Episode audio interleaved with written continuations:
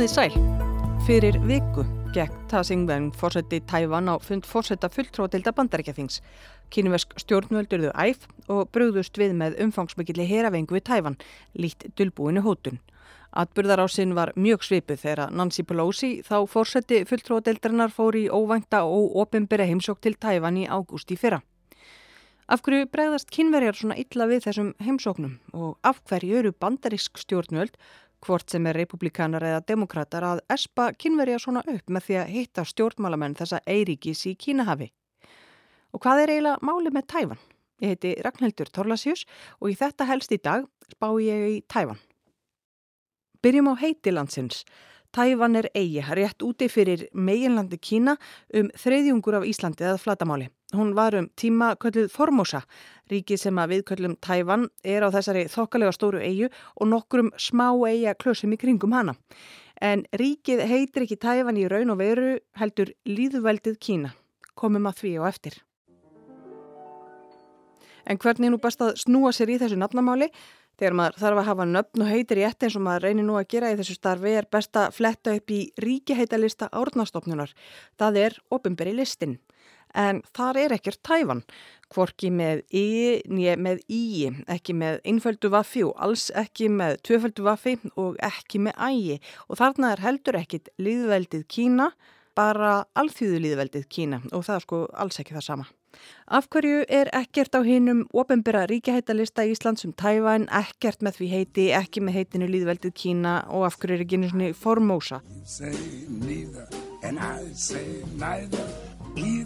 Þetta er listi sem fulltrúar nokkra stopnana settu saman árið 2015. Í þessum hópi sátu fulltrúar Hagstofu Íslands, Íslenskrar málnemdar, stopnunar Árna Magnússonar í Íslenskum fræðum, utanríkisraðunitisins og Ríkisútvarpsins. Og fulltrúi Ríkisútvarpsins var að sjálfsögðu konan með flotta starfstítilinn Málfarsraðunitur Ríkisútvarpsins, Anna Sigriður Þráinsdóttir. Ég röldi til hennar í morgun og spurði, af hverju er tæfan ekki á ofinböra ríkjaheitarlistanum? Það er nú vegna þess að, að, að uh, á þessum ofnbæra ríkjahættalista eru aðeins ríki sem eru uh, sjálfstæð og það hefur ekki fengist viðkjent sem sagt að tæfan sé þar á meðal. Þegar þú varst í þessu samstarfi, í mann eftir því að þetta var svolítið hausverkur að setja saman hennar ríkjahættalista stafsetningin og hvað má, hvað má ekki og þetta er, svona ríkjahætti eru stór pólitísk. Þau eru það, það er bæði svona ríkjapólitík og, og svo líka bara svona stafsendingapólitík. Já, það er Peking og Beijing og Burma og Myanmar og Belarus og Kvítarúsland, svo ég bara svona telli upp nokkur sem að... Jú, jú. En Tævan, hvernig stafsettir það? sko, uh, ég stafsitt það með AI. Það eru þetta ekki á ríkjaheitaskráni, þannig að, að við höfum ekki hana til að styðjast við. En já, ég held að það sé svona almennt samþygt að það sé skrifa með AI vegna þess að stundum er hljóðið æ skrifa með AI á íslensku. Já, og það er eins með Thailand. Já, og það er nú, það er nú orð sem að, eða hei, ríkjaheiti sem að kannski kemur oftar fyrir í rítmáli á Íslandi og það er mjög rík tilneying til að skrifa það með AI en það ásens að vera með AI Já. eins og Tæfan. Eins og Tæfan, þar við það. Takk fyrir þetta, Anna Sigurður Frámansdóttir, Málfarsar áðunitur.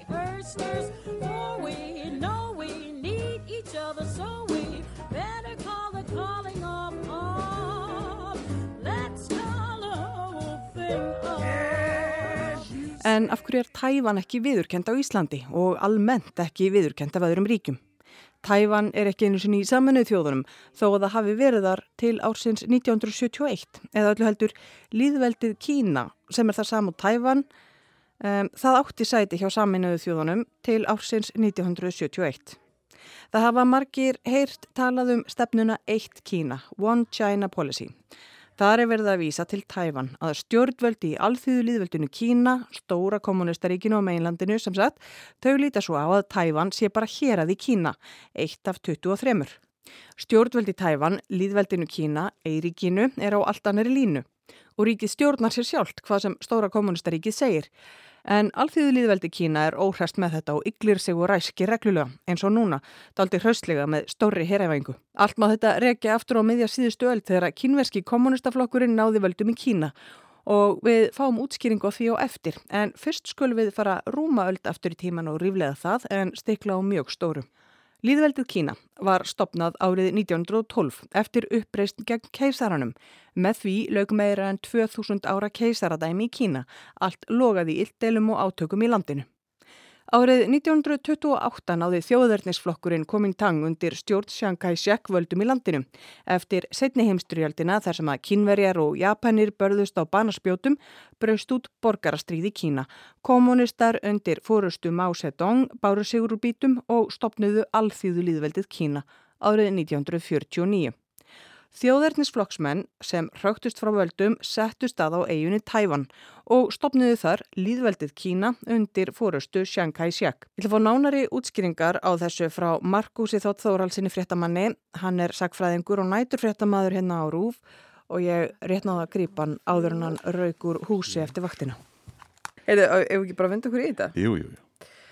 Markus, þú hefur svolítið verið að fjalla um Tævan svona á þínum nætur fréttavöktum, hvernig gerðist það að líðveldið Kína var þannig á sínum tíma rétt fyrir 1950 endurreist á eiginni Tævan? Sko það var þannig að 1949 þá sigruðu kommunistar uh, þessa komintang stjórn Chiang Kai-sheks sem að flúði þá til Tævan uh, örgulegt aldrei flókin framkvæmt og uh, eitt af þessu sem hefur svolítið kannski fendt yfir í sögunni, þetta, þessi flótti. En þarna kom hann sér fyrir. Og ekki bara hann, ég meina bara nei, nei, herinn og þingið og allt saman bara flúði, það sé að þessi líðveldi stjórn mm. sem hafi verið við, við völdi í nokkur ár, ára tíu á meginlandinu, kom sér þarna fyrir og stopnaði nýtt endurreisti líðveldið Kína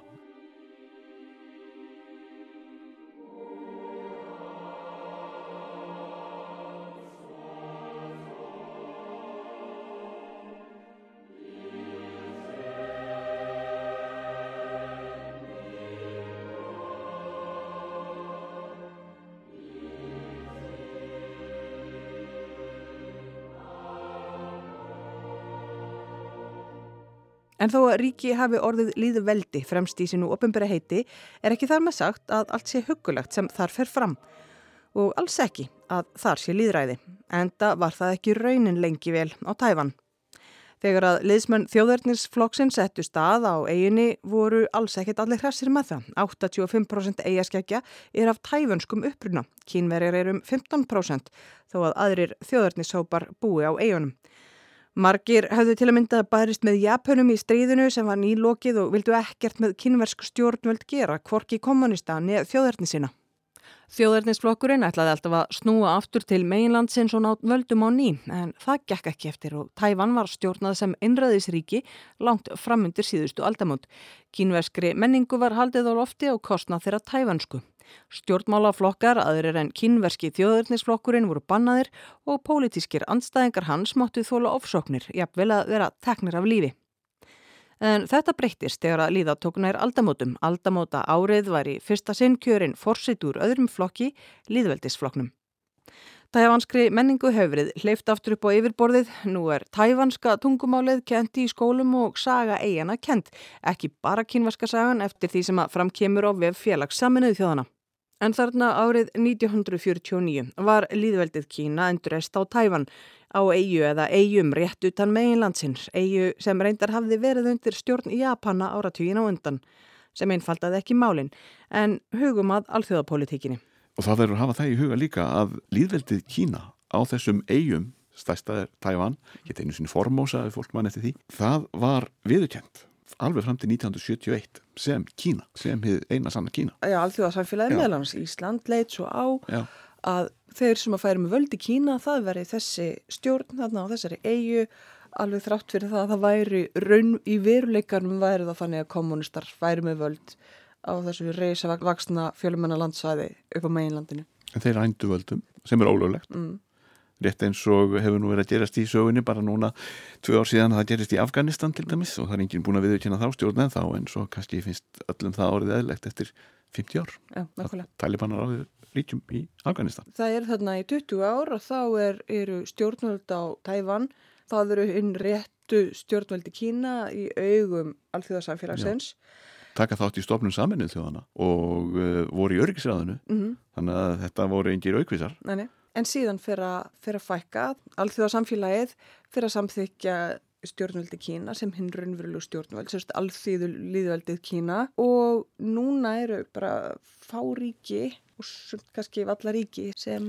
stiðja stjórnveldi Tæman, samþykjaðu eigi stjórnmálasambandið. Rétt rúmlega handvilli, sagði einhver einhver tíman. Það er ekkert mörg á síðan það voru 23, nú er það 13 og lengi vel var eh, stuðningunum mestur í mið og Suður Ameríku. Þar hefur líka verið að brotna úr núna senast bara í senasta mánuði þegar Honduras saði bless og snýri sér til Kína, það sé alþjóðu líðveldisins Kína. Mm -hmm. uh, en uh, þetta eru svona, það er áhugaverð áhugaverð lönd þarna á listanum.